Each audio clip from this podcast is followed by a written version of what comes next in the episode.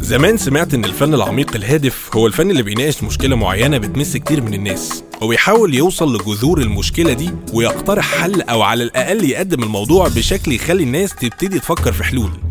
الفن العميق ده ممكن يكون فيلم مسرحية أغنية لوحة أي عمل فني.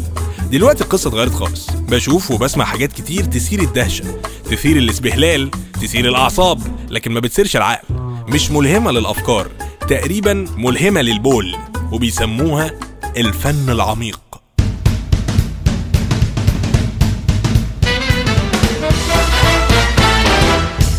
مثلا في مجال الشعر بعد ما خلصنا من الشعراء اللي بتعقد اللغة العربية وتكرهك في اليوم الأزرق اللي اتعلمت فيه أبا تسجح الشعراء اللي كانوا بيقولوا كلام زي كريحا معمولي ظفر بضرباء قمحات الزناحف المتشجرة طالع لنا عم الشعر العميق اللي بيقول لك أسماك تسبح في سحاب تتشكل منحصر في جوف فيل منكسر يعني اتنقلنا من إن إحنا ما بنفهمش معنى بعض الكلمات الفصحى لإن إحنا ما نفهمش الشاعر عايز يقول إيه أصلا في يوم اللي مش فايت ده.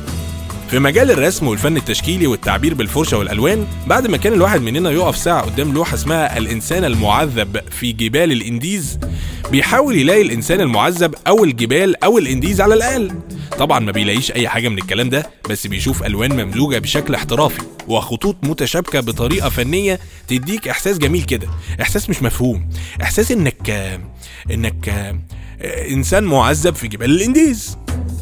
دلوقتي اللوحات العميقة بقت عبارة عن إن واحد يدخل على الإنترنت يجيب صورة لكوكب زحل وصرصار وموبايل وديفيد بيكهام وصباع محشي كرنب ويفتح برنامج ال Photoshop يلزق الصور دي كلها في بعض ويسميها العبث في الذات. في الحقيقة كل واحد حر يعبث في ذاته براحته لكن وحياة والدك ما تعبث في دماغنا إحنا.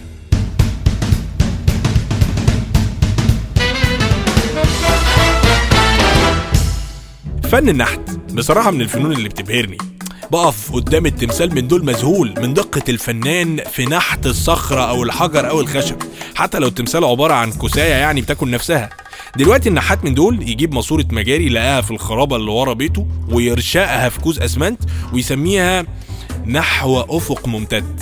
هو ممتد يعني بس حسب طول الماسورة واصل للدور الكامل الموسيقى العميقة بقت إنك تجيب مزيكا أنت مش عاملها وتقطعها وتدخل صوت مشهد من فيلم قديم على حتة من إعلان على صوت بلاعة وتسميه خليط الحاضر القميء من الآخر دلوقتي أنت لو عايز تعمل فن عميق اعمل أي كلام مش مفهوم وسميه اسم يوحي بالعمق. هتلاقي مليون واحد من المدعيين بيتكلموا عن الأبعاد السيكولوجية اللي بتلمس الوجدان في أعماق البشرية.